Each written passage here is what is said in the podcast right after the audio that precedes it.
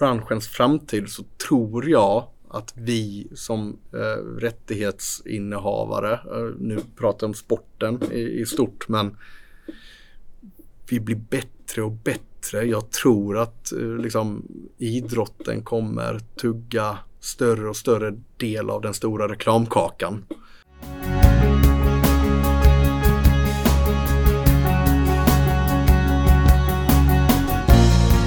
Hej allihopa och varmt välkomna till ett nytt avsnitt av Sponsringspodden.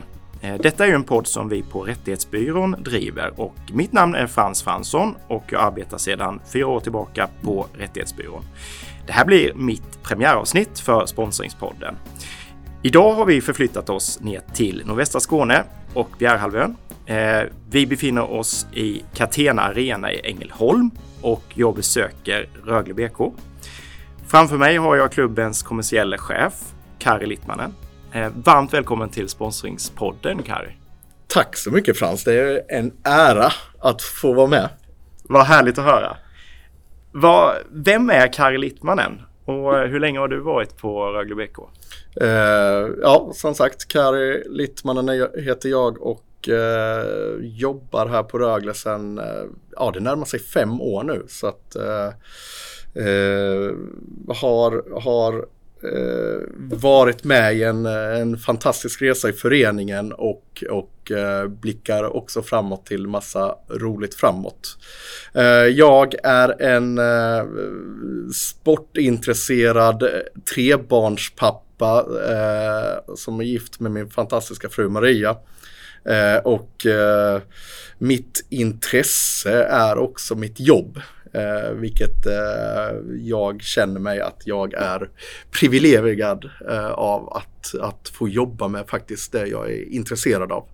Eh, jag är utbildad eh, sportmarknadsförare eh, där jag och, och Frans har eh, mötts många gånger bakåt i tiden eh, och, eh, och liksom för ja, 11 år sedan så bestämde jag mig och liksom sadla om i min karriär från liksom säljbranschen till att faktiskt jobba med vad jag liksom brinner för.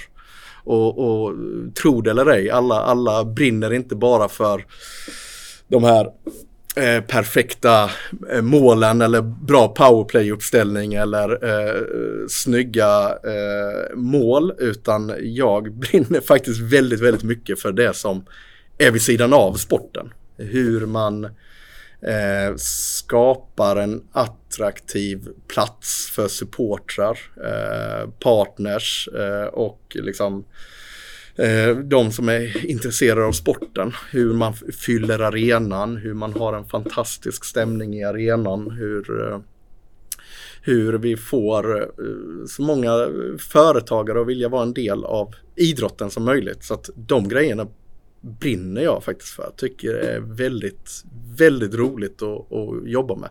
Så att jag eh, känner mig eh, eh, ärad att få jobba i branschen. Vad kännetecknar ett riktigt bra sponsringssamarbete enligt dig?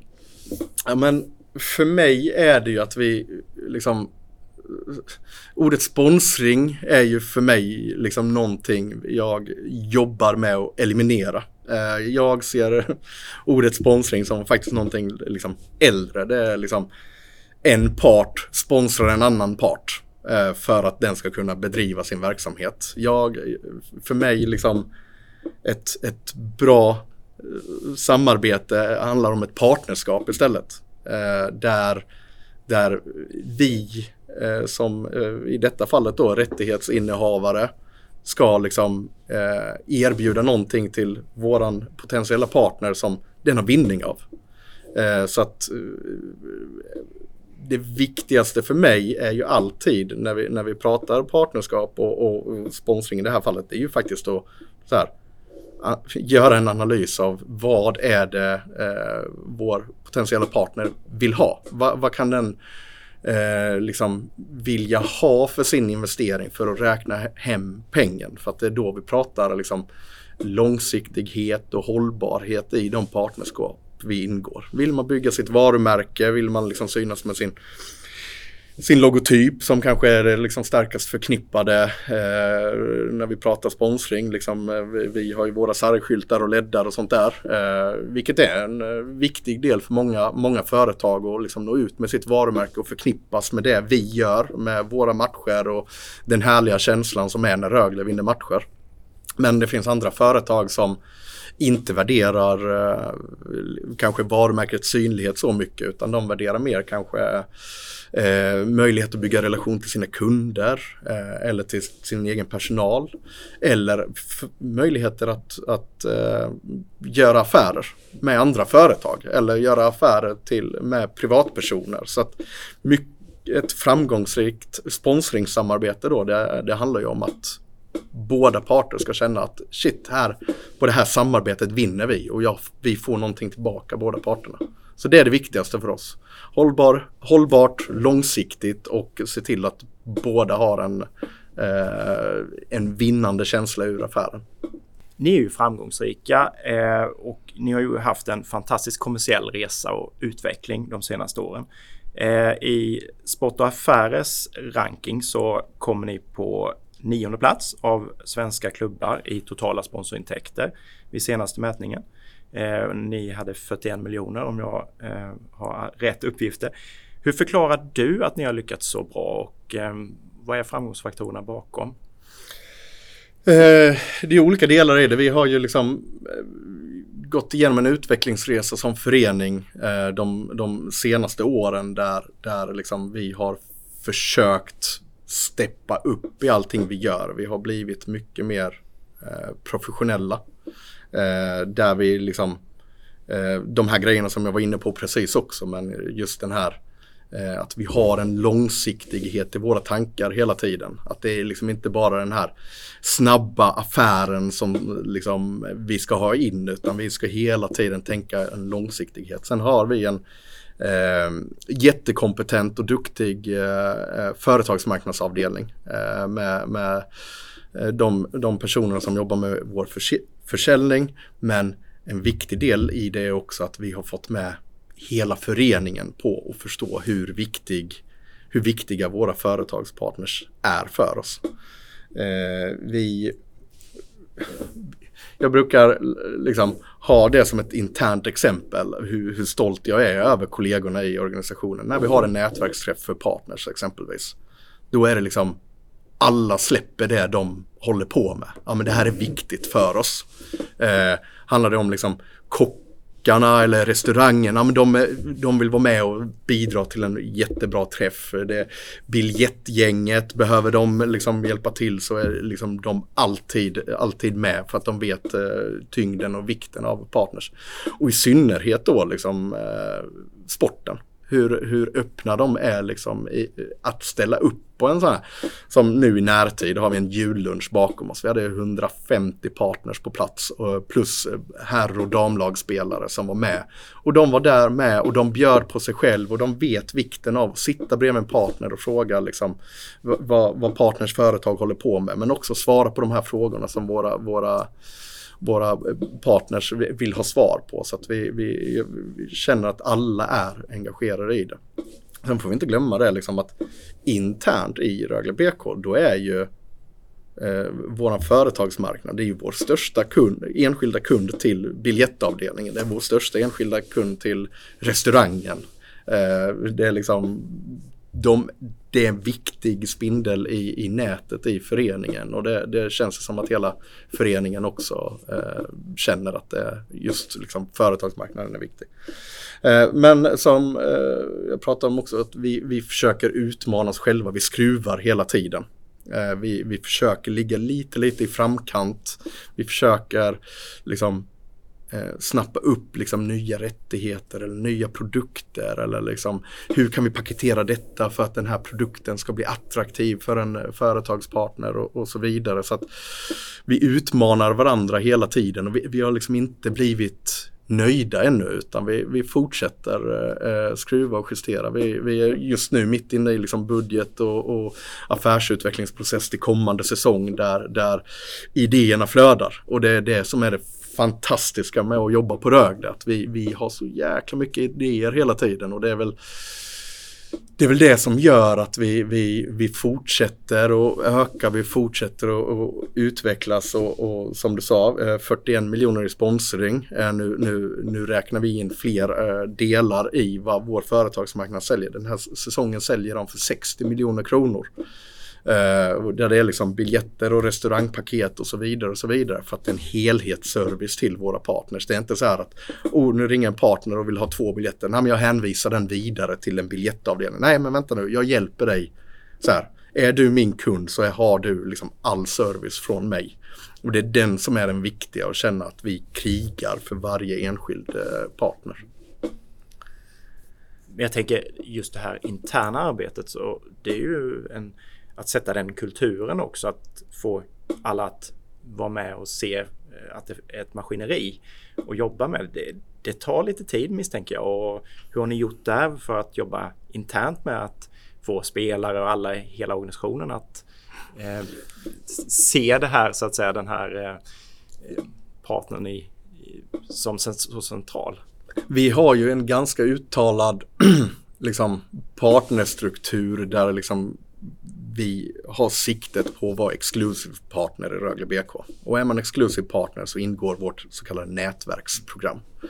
Eh, min, min före detta kollega eh, Christian Sandell som liksom startade upp Rögle Exclusive eh, har drivit frågan under sina alla, alla år hos oss där liksom hela organisationen vet om hur viktig Rögle Exclusive är för Rögle. För att där har vi liksom bredden, det är där vi har ungefär 240 företag i dagsläget som har investerat eh, 110 000 kronor eller mer i Rögle. Och det utgör en jättebas för oss som Rögle eh, där alla i Rögle Exclusive är lika viktiga. Det är inga hierarkier om att om vi är större partner än er och vi är en liten firma som håller på med detta och ni är en stor som håller på med allt möjligt. Utan i vårt Rögle Exclusive så, så liksom jobbar vi för den här familjära känslan att liksom alla pratar med varandra.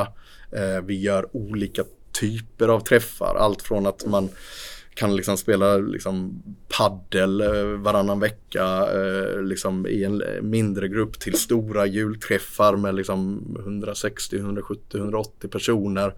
Sommaravslutningar, bortaresor, outside business där våra företagare är välkomna till sin, eh, till sin anläggning eller till sitt kontor och vi tar med nätverket dit. så att Eh, speeddatingar. Vill, vill folk ha de här snabba eh, affärsnätverken? Ja men det finns lite av varje och där tycker jag att vi har byggt upp en jättefin bredd eh, på våra uppemot 40 träffar vi har per år.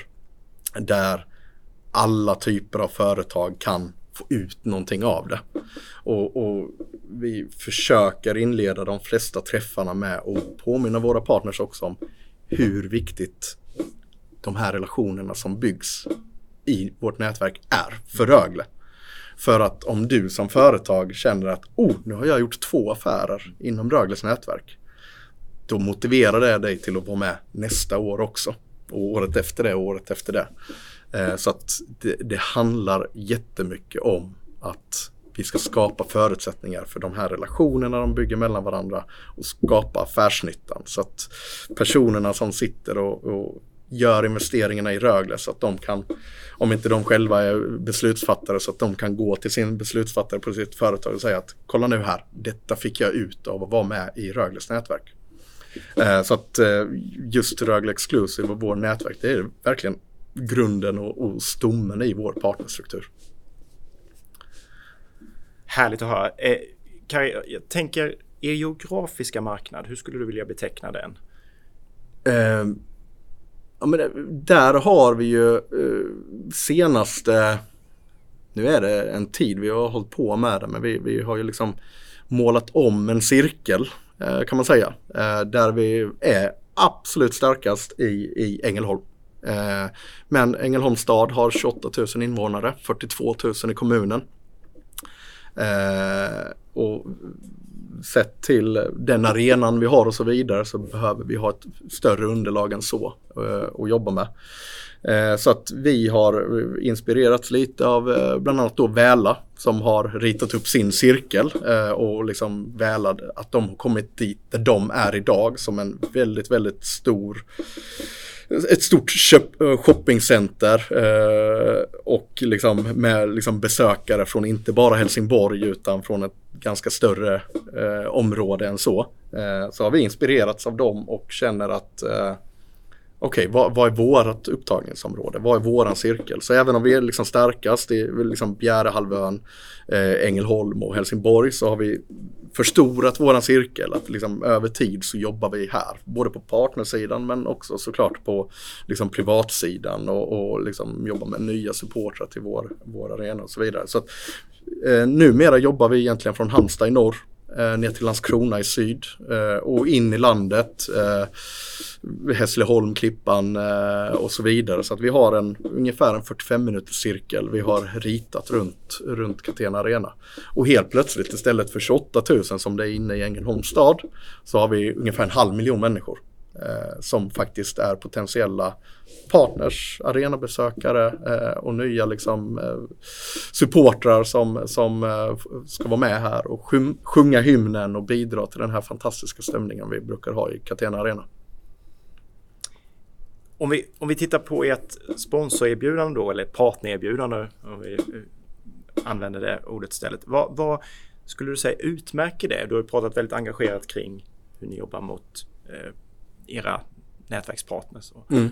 Vad, vad kännetecknar ert erbjudande och, och vad, gör, vad är det som bygger det starkt? Ja men det, det, är som sagt, alltså stommen och grunden är verkligen, och det kan jag inte nog eh, påpeka, men det är ju vårt, vårt partnernätverk som är liksom utan det skulle vi inte vara där vi är idag. Eh, det, Rögle Exclusive är eh, så otroligt viktigt för oss. Eh, och även i, i framtiden hur vi kommer liksom öka vårt engagemang mang in i det ytterligare eh, över tid. Så att, eh, så att det, det, är, det utmärker verkligen vårt erbjudande till våra partners. Men sen är det ju att vi har en fantastisk bredd att erbjuda. Att vi, vi har någonting att erbjuda för alla företagare på ett eller annat vis. Eh, nätverksmöjligheterna är ju såklart eh, viktiga men just det här att vi, vi har någonting för den som vill bygga varumärke eller vill nå ut snabbt med sitt erbjudande eller, eller liksom bygga, de vill förknippas med Rögle BK med sitt varumärke. Så att vi har någonting för den som vill liksom jobba med sitt varumärke. Eh, men vi har någonting för eh, som sagt konferenser, eh, event om det är internt eller externt så att vi, vi har en bredd. Så här, och, och, och, just det här också att vi kan ut och förstärka deras verksamhet, ut och liksom åka till en, en eh, ICA Maxi-butik med några spelare och spela bordshockey. Eh, så här. Det, det, är en liten grej men det, det betyder samtidigt jättemycket både för oss och för Maxi att komma ut utanför våra väggar men att skapa den här eh, liksom eventet som bygger varumärkena samman, samman mer. Eh, så att eh, mycket varumärke, mycket event. Det är liksom de delarna vi är eh, mest fokuserade på. Eh, sen så kommer det ju så här, vi har en verksamhet där vi bedriver där vi har 700-800 liksom aktiva ungdomar i vår verksamhet. Och det är liksom på något sätt kärnan i, i, i det vi gör. Och liksom hela som, som de flesta föreningarna så liksom jobbar man nerifrån och upp från den här lilla knatten på fyra år tills liksom den här rutinerade A-lagsspelaren eh, både på herr och damsidan. Så att eh, det är ju också en kärna i vad vi pratar om. För att alla partnerskap på ett eller annat vis och liksom på något sätt sipprar det ju vidare till att möjliggöra den verksamheten vi har. Så att om man som företag väljer att liksom investera vid en skylt, låt säga, för att liksom bygga sitt varumärke och synas mer, men man gör någonting bra hela tiden också för att man skapar förutsättningar för de här hundratals och åter hundratals eh, ungdomarna att faktiskt komma här och träna och ha ett sammanhang att vara i. Och, och, över tid kanske rent av nå den här drömmen om att spela ett representationslag också. Eh, apropå just er utveckling så, så jobbar ni ju hela, hela tiden med ständiga små förbättringar och ni har ju eh, nyligen som jag har förstått också lanserat Rögle hållbarhet eh, med ett inifrån och ut perspektiv. Kan du inte berätta lite mer hur, hur ni har jobbat om och utvecklat er, ert hållbarhetsarbete? Eh, vi är ju stolta över att liksom i, i nu eh, sen 2017, eh, så nästan sju år har vi jobbat strukturerat med hållbarhet i Rögle BK. Eh, för oss började vår hållbarhetsresa med att vi eh, eh skapade ett projekt som heter Grönvit hållbarhet. Där vi hade ett, eh, ett stort samarbete med NSR, eh, Nordvästra Skånes renhållning, där vi eh, förstärkte eh, budskap som, som de vill få ut liksom, om, angående källsortering och, och liksom, hur man ska liksom, hantera plasten i, i vår miljö och så vidare. Och, och där vi liksom gjorde det väldigt bra. Eh, men vi kände också bara något år in i det samarbetet kanske att liksom så här, men vänta nu här. Det är väldigt många aktörer ute som, som är ute och pratar med, med barn och unga om just plast exempelvis. Då.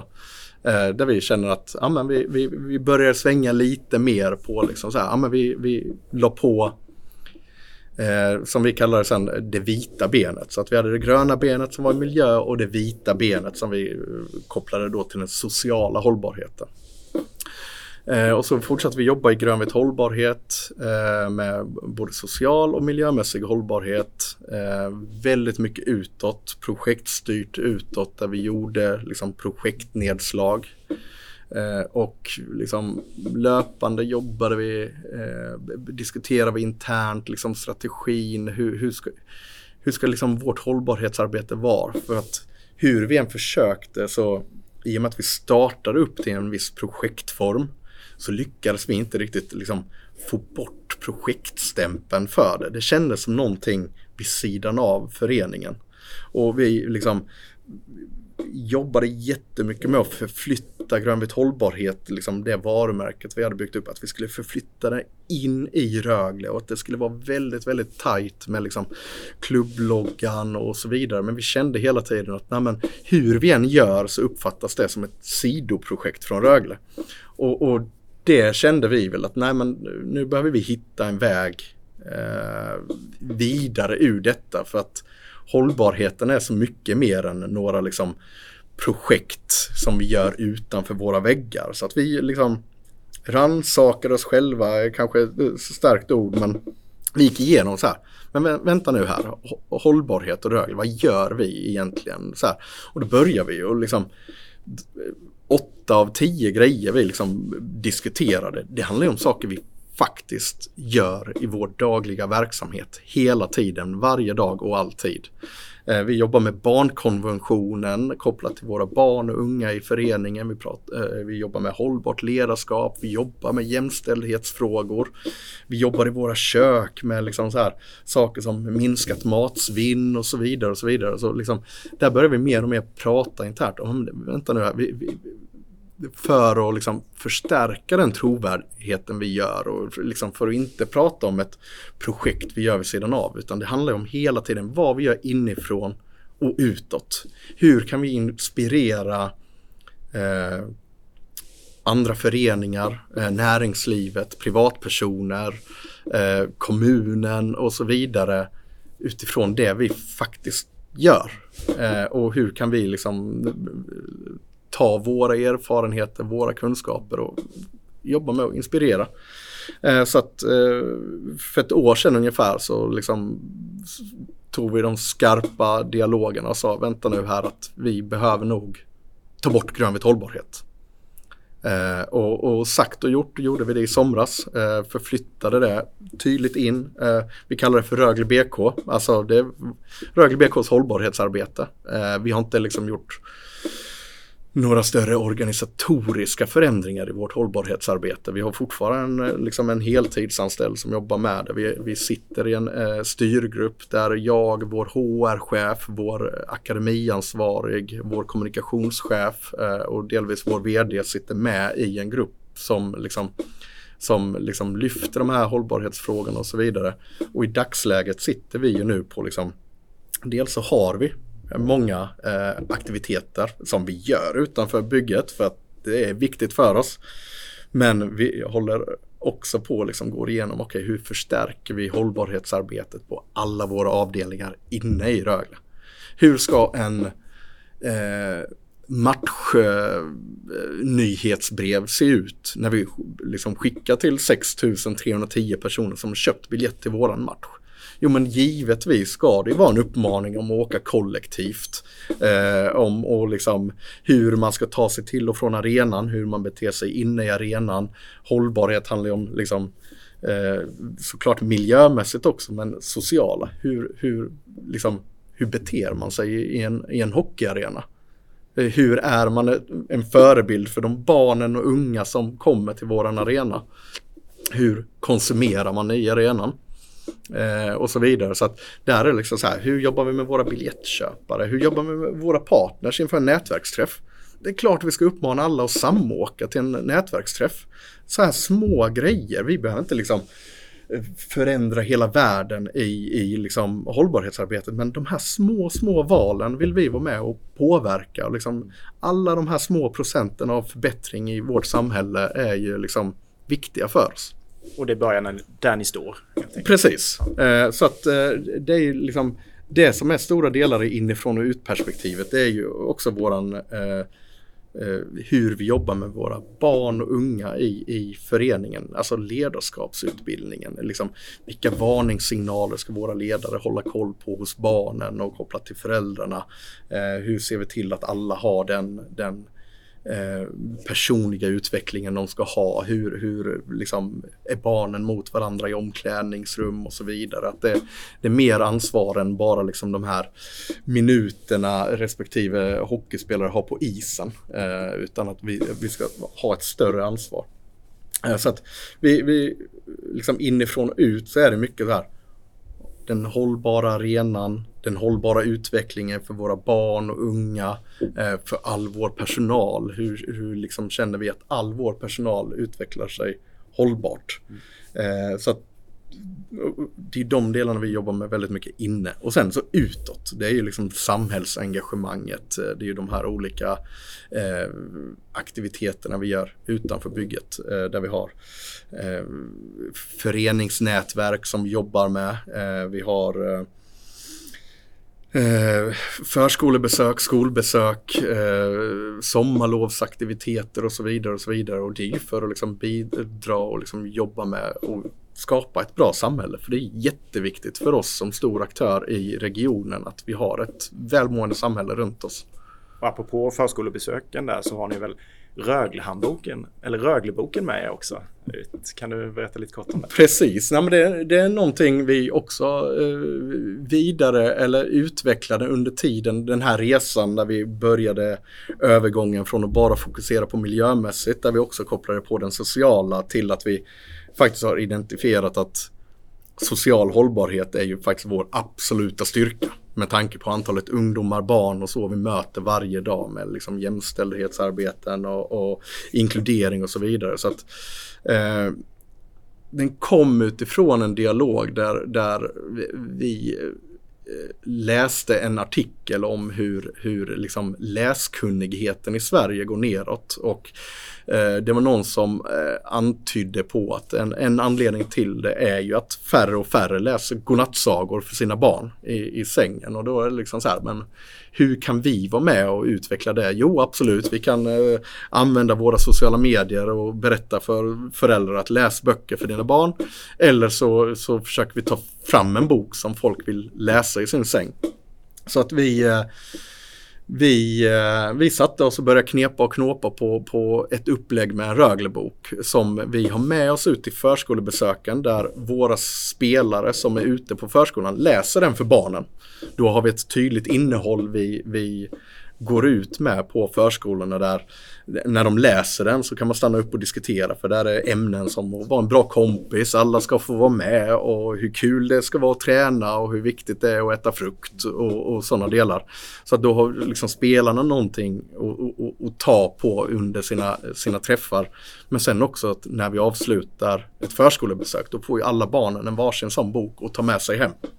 Och där är ju tanken då att barnen ska ta med sig den hem och så ska den eh, tillsammans med en förälder läsa den boken på kvällen. Och det är ju för att bara så här, skapa första avsatsen till, till eh, barn och eh, familjer att faktiskt läsa tillsammans hemma. Eh, så att, eh, och där är det ju, de kommer hem med en bok, de säger att åh kolla här, Dennis Everberg eh, gav mig den här boken, den här betyder väldigt, väldigt mycket för mig. Eh, mamma eller pappa, snälla eh, ska vi läsa den här boken ihop. Och eh, vi har fått jättepositiv respons på boken. Eh, och Eh, just nu har vi en Röglebok som är framtagen för, ja, vad kan man säga, fyra till sexåringar. Eh, väldigt basic sådär.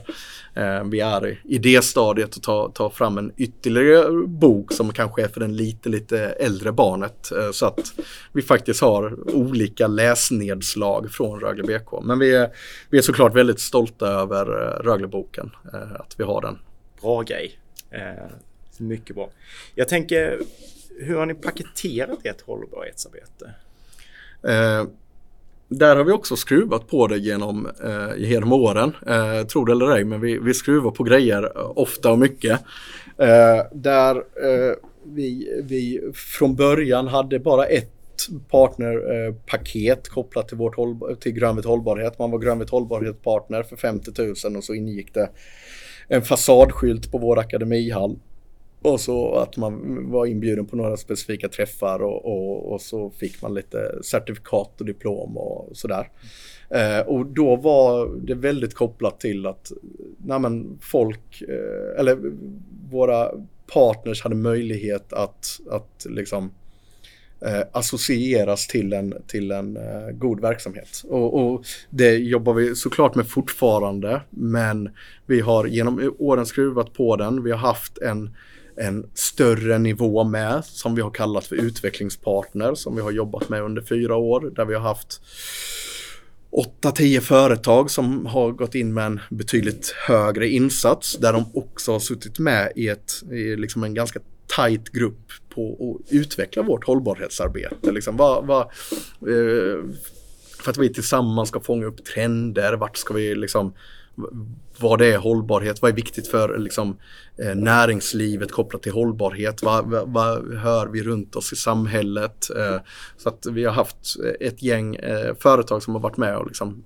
utvecklat och, och varit väldigt involverade i vårt, vårt arbete. Eh, men där vi i dagsläget faktiskt sitter och, och liksom eh, återigen och skruva för att från att vi påbörjade vårt hållbarhetsarbete för eh, ungefär sju år sedan till där vi är idag så har det hänt mycket runt eh, oss i liksom det samhället och liksom det landet vi lever i. Eh, där hållbarhet, när det var nytt så var det någonting liksom folk eller eh, liksom partners såg eh, som någonting, ja men det här är ju någonting vi vill vara med och, och stötta och investera i eh, och associeras till.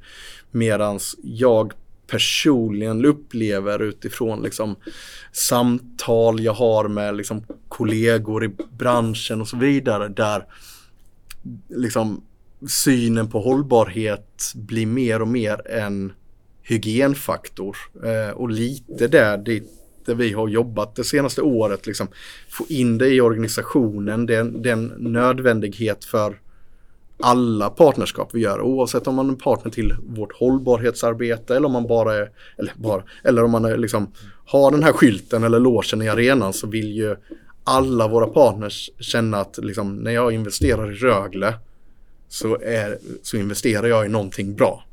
Rögles arbete med ungdomarna eller ute på förskolan med Rögleboken eller med jämställdhetsarbetet eller det hållbara eventet. Eh, det vill ju alla på något sätt eh, förknippas till. Så att vi håller på just nu lite och, och tänker. Eh, som jag har sagt så skruvar vi och är mycket i verkstaden men vi, vi tänker hur, hur det framtida hur man ska sälja hållbarhet i framtiden och om man ska göra det. Eh, så att, ja, där är vi idag. En kreativ process. Och det påminner mycket det du inledde med att prata om också, att ni går lite ifrån det projektrelaterade som blir mer och mer tydligt en del av er verksamhet. Mm. Mm. Absolut. Eh, hur ser ditt team ut som, som jobbar med eh, era partners? Hur många är ni och hur har ni organiserat det? Uh, I dagsläget är jag uh, uh, som kommersiell chef är jag också försäljningsansvarig direkt mot, mot företagsmarknaden. så att det är jag som sitter med budget och liksom driver utvecklingen och affärsutvecklingen och, och, och liksom följer upp försäljning och så vidare. och jag har tre stycken företagssäljare i Allen, Mats och Kim fantastisk eh, grupp av människor har vi. Eh, kompletterar varandra grymt med både erfarenhet, nytänkt, framåtanda och så vidare. Eh, utöver de tre företagssäljarna så har vi en kommersiell projektledare som, som har ansvaret i leveransen av alla våra nätverksträffar. De är så otroligt viktiga för oss att det är ingenting vi kan göra med vänsterhanden när vi håller på med allt annat utan vi behöver ha den dedikerade Eh, personen som driver det. Så att eh, eh, Heidrun då, vår kommersiella projektledare, hon, hon har ju nätverksträff, hon, hon stöttar i de större eventen vi har på företagssidan och, och eh, eh, är med och stöttar i vissa interna strukturer med interna bokningsflöden och så, och så vidare. Men som jag var inne på innan också så indirekt så har vi en stor del av eh, vår organisation som Eh, involverade i det. Jag kan inte nog eh, understryka hur, hur viktigt det är liksom att eh, alla är med liksom, och, och se till att våra partners är nöjda. Liksom restauranggäng, kökgänget, våra värdinnor på logerna eller vad man än är Eh, de som jobbar i vår VIP-entré, Johan och Sara, liksom det första bemötandet våra partners har vid alla våra matcher. Eh, men som sagt, och det engagemanget från sporten. Eh, så. Men tre säljare, en kommersiell projektledare i, i grund och botten som är liksom väldigt dedikerade i jobbet. Vad skulle du säga är er största utmaning då kopplat till säljprocessen och säljarbetet?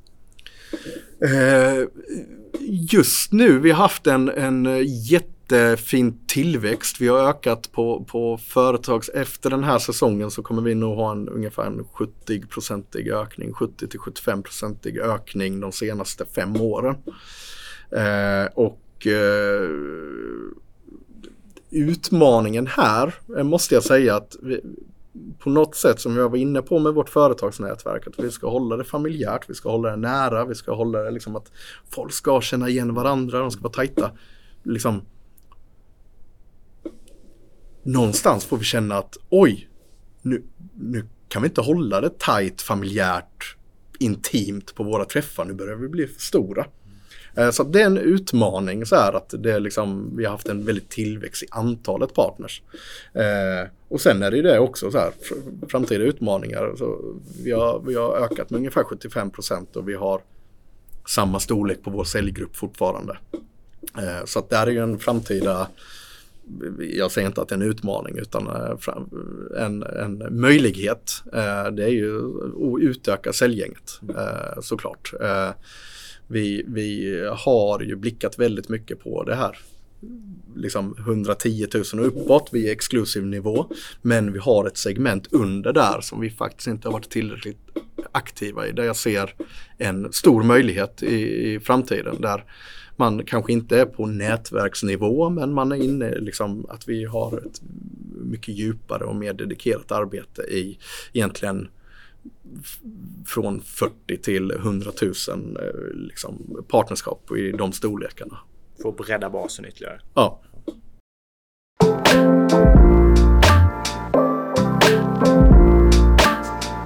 Bra! Eh, nu tänker jag att vi ska köra lite fyra snabba.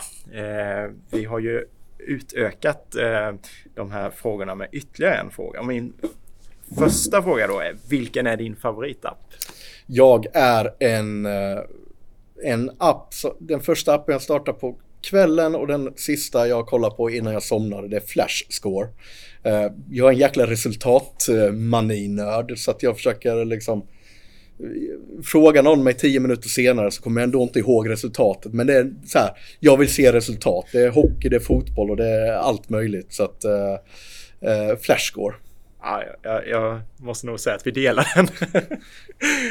eh, vilken är Sveriges bästa sponsorrättighet? Vi, vi har ju många fantastiska rättigheter, inte bara inom idrotten utan i, i form av olika typer av galor och andra typer av event och så vidare. Men, men för mig en, en, en idrottsrättighet som ligger mig liksom varmt om hjärtat som jag tycker är så, liksom, eh, så vedertagen och så folklig. Det är ju faktiskt Vasaloppet. Jag, jag, jag tillsammans med miljoner andra svenskar blir liksom varma i kroppen när vi hör Vasaloppet. Så att eh, det, det är en rättighet som ligger mig, liksom, som jag gillar. Och vilken är Sveriges bästa sponsor? Eh, den är jättesvår för att det, det, det, finns många företag som är otroligt duktiga eh, på, men jag, jag gillar ju verkligen den här aktiveringssponsorn eller partnern till, till event där liksom ja, men genom åren när man har varit på exempelvis Melodifestivalen och man kommer in i en Melodifestivalen-arena och det händer massa grejer där med liksom olika typer av aktiviteter. Men kollar man på exempelvis uh, saker som Budweiser och Coca-Cola gör kopplat till de här enorma internationella mästerskapen med aktiveringar där liksom de tar sitt varumärke och förknippar det med ett helt mästerskap där man får en hel Coca-Cola-upplevelse i samband med, med, med liksom ett stort internationellt mästerskap. Det är sådana jag gillar men jag, jag har svårt att, att, sätta, sätta fingret på en specifik i Sverige för att vi har, vi har ett gäng duktiga i, i Sverige också. Sista frågan. Vem eller vad ger dig inspiration? Eh, just att inspireras är nog min största drift i min eh, yrkesroll. Eh, jag älskar att inspireras. Jag älskar att få till mig liksom hur gör andra eh, och, och, och sådär. Så att min, liksom, vem är svårt att säga. Jag, jag, upplever att jag har ett ganska stort kontaktnät. Eh, känner jag mig oinspirerad så sitter jag och ringer runt till mina kontakter, i synnerhet eh, på SHL, eh, mina kollegor i branschen. Eh, men, men eh, också i, i i stort. Eh, ska jag liksom kolla på, på och inspireras kopplat till liksom partnerskap och supporterskap och sånt där så, så, så vill jag kolla väldigt mycket på engelsk fotboll och tysk fotboll. Eh, för att där inspireras jag av kombinationen eh, av det, det liksom genuina supporterskapet och faktiskt hur långt de har kommit i sina kommersiella arbeten också. Mm. Eh, så att den, det inspirerar mig väldigt mycket i liksom hur, hur vi ska ta steg åt det hållet. Bra, får vi en internationell utblick också som vi kan använda så. Eh, jag tänker, Kaj, du pratade tidigare om kvittot eh, för att era sponsorer, era partners då kommer in i samarbeten och att det verkligen ger något. Hur, hur jobbar ni inom Rögle BK för att mäta era partners effekter av olika samarbeten?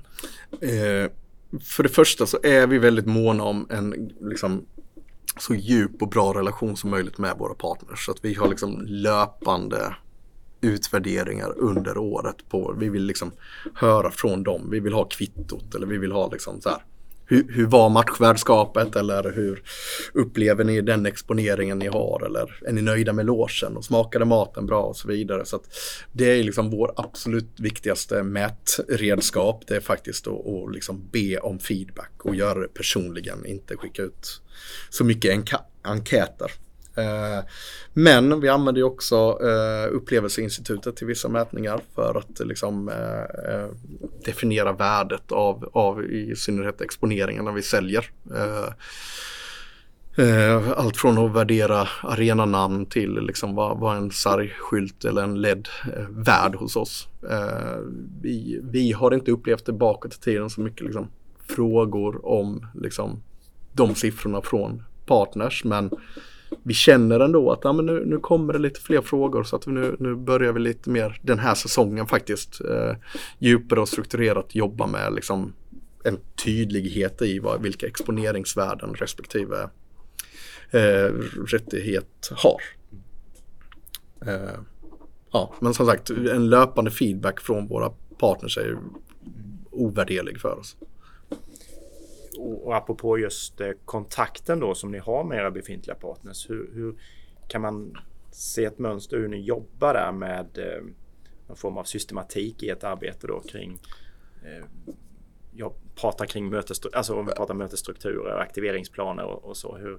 Ja men eh, ofta är det så att vi har ju liksom ett liksom en helt ny partner. Då är det liksom ett första möte där vi liksom pratar om vad, vad liksom vilka de är, vilka, vilka, eh, vilka utmaningar de har eller varför vi sitter och har ett möte överhuvudtaget. Vad är de ute efter? Vilka värden är viktiga för dem och så vidare.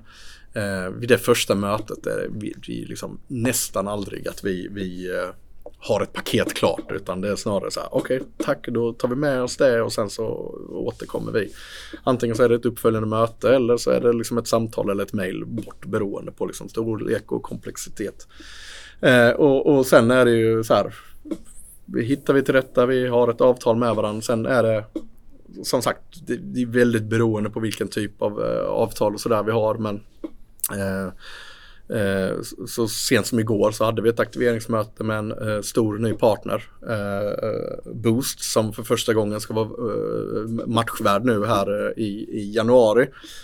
Där de liksom vill diskutera, okej okay, vilka möjligheter har vi? Vi vill göra någonting liksom större och, och unikt i samband med matchvärdskapet. Ja men jättebra, då lyssnar vi, då tar vi med rätt personer internt, vår liksom, teknikansvarig som har ansvar för hela liksom, liksom LED och mediakub Youtube och allting i samband med matchen. Vi har med från kommunikation och ansvarig säljare med på liksom så här, okej okay, hur ska vi göra liksom ert matchvärdskap så att ni liksom går efter matchen och är liksom high five och, och glada. Så det är liksom allting från flyers till giveaways till liksom exponeringar eh, och de liksom bjuder med eh, kunder och personal hit för att de ska ha ett så bra... Eh, så, så att då har vi ett väldigt konkret och tydligt aktiveringsmöte eh, där vi pratar igenom det.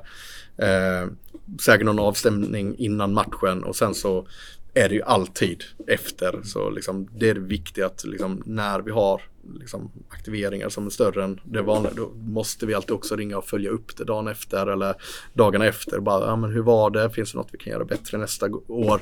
Har vi några idéer redan nu för att göra det bättre nästa gång? Eh, så att, eh, för att när det är aktuellt, det är då man har idéerna i huvudet och idéerna flödar och i grund och botten så är det då också vi kan eh, binda upp dem till att vilja göra det en gång till året efter. För då kan man nästan direkt börja prata om, okej okay, nästa gång gör vi så här och så här. Och så. Om man inte har ett längre avtal så, så, så börjar man ju nästan där. Sen så är det ju eh, liksom under säsongen har vi också så här, vi ringer runt i alla våra och försöker bara kolla hur är läget, vad, hur blickar vi framåt, är det någonting mer ni vill ha under säsongen? Så där. Men annars så är det ju där i februari, då börjar telefonerna gå varma inför nästa säsong igen och då börjar man alltid med en utvärdering, hur har det varit och, och, och liksom, eh, vad kan vi skruva på framåt och, och så liksom innan sommaren vill vi ha våra affärer klara. Eh, vi vill ju liksom, vi har en superdeadline vid midsommar där vi, där vi hoppas på att liksom nå 85 eh, av våran försäljning där för att det är så otroligt mycket som ska falla på plats i augusti, september för, för, för det kommande året. Så, att, eh, eh så våren är ju väldigt intensiv på att få ner på dem. Så att, nej men mycket den här löpande eh, dialogen, några samtal varje år och bara liksom stämma av och så vidare. Men mycket handlar om att fråga vad de vill ha och sen också utvärdera. Fick ni det ni ville ha? Uh, Feedbacken är centrala. Ja. Mm. Hur ser du på branschens framtid? Vilka frågor ser du som de viktigaste och varför är de viktiga?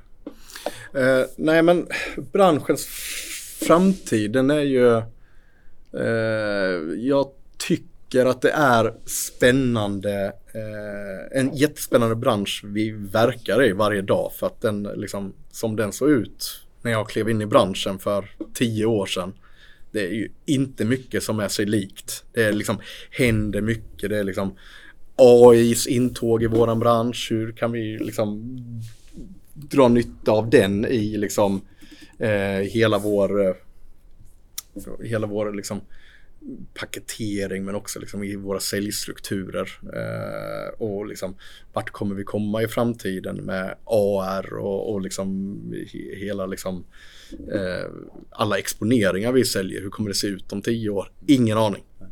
Eh, så där är ju en, en del i det men jag liksom framtiden branschens framtid så tror jag att vi som eh, rättighetsinnehavare, eh, nu pratar jag om sporten i, i, stort, men vi blir bättre och bättre. Jag tror att eh, liksom, idrotten kommer tugga större och större del av den stora reklamkakan eh, i de här digitala annonser, eh, jobba med våra hemsidor och sociala medier. Men jag, jag tror att Eh, Eh, den kompetensutvecklingen vi har i den branschen vi jobbar i, den är ju enorm. Eh, vad det har liksom, vi har höjt oss. Jag, jag märker, vi, vi, vi träffas ju regelbundet kommersiella cheferna i SHL exempelvis och vi eh, eh, vi reflekterar tillsammans nu här för några månader sedan när vi träffades att liksom för att det är ändå samma personer som träffas löpande och liksom många av oss har träffats i många år nu och liksom sådär men frågorna vi diskuterar det är en helt ny höjd. Alltså vi, vi, är, vi är så mycket längre strategiskt. Vi pratar inte om liksom shit eh, vad ska ni göra på tisdag när ni spelar mot det laget? Vi måste ha fylla loger eller vi måste fylla arenan. Det är liksom vi är bortom det. Vi liksom ser på mycket liksom större strategiska frågor och det tycker jag är väldigt eh, spännande. Att vi som, som eh, liksom bransch har rört oss ditåt där, där, där vi eh, ja, kan ha de diskussionerna. Men sen är det också eh, någonting som är vikt, jätteviktigt för oss i Rögle. Det är ju liksom den här, eh, det jag var inne på lite, det här men, men supporterkulturen är så otroligt viktig i Sverige. Uh, och, och, den måste vi liksom värna om. Vi kommer aldrig, i alla fall i hockey, vi, vi, vi får aldrig och vi kommer aldrig bli ett NHL. Uh, eh, utan vi har en helt annan supporterförankrad verksamhet. Eh, och där eh, liksom, vi i Sverige ska vara otroligt stolta med liksom 51 regeln. Att vi är medlemsägda och styrda och, och, så vidare. Och att vi, att vi fortsätter vara det. För att det är supporterna som gör svensk idrott. Och, och den är viktig att ha med sig i det här fokuset på att vi hela tiden ska liksom ta kommersiella steg eh, så är liksom supporternas resa där också otroligt viktig. Härligt att höra. Eh, mycket som väntar och mycket kvar att göra men samtidigt att det finns en känsla av att ja, men ni, ni känns som ni är på rätt väg och eh, det är ju jätteskönt att det finns också ett nätverk runt som du kan ringa när du har någon fråga och vill bolla.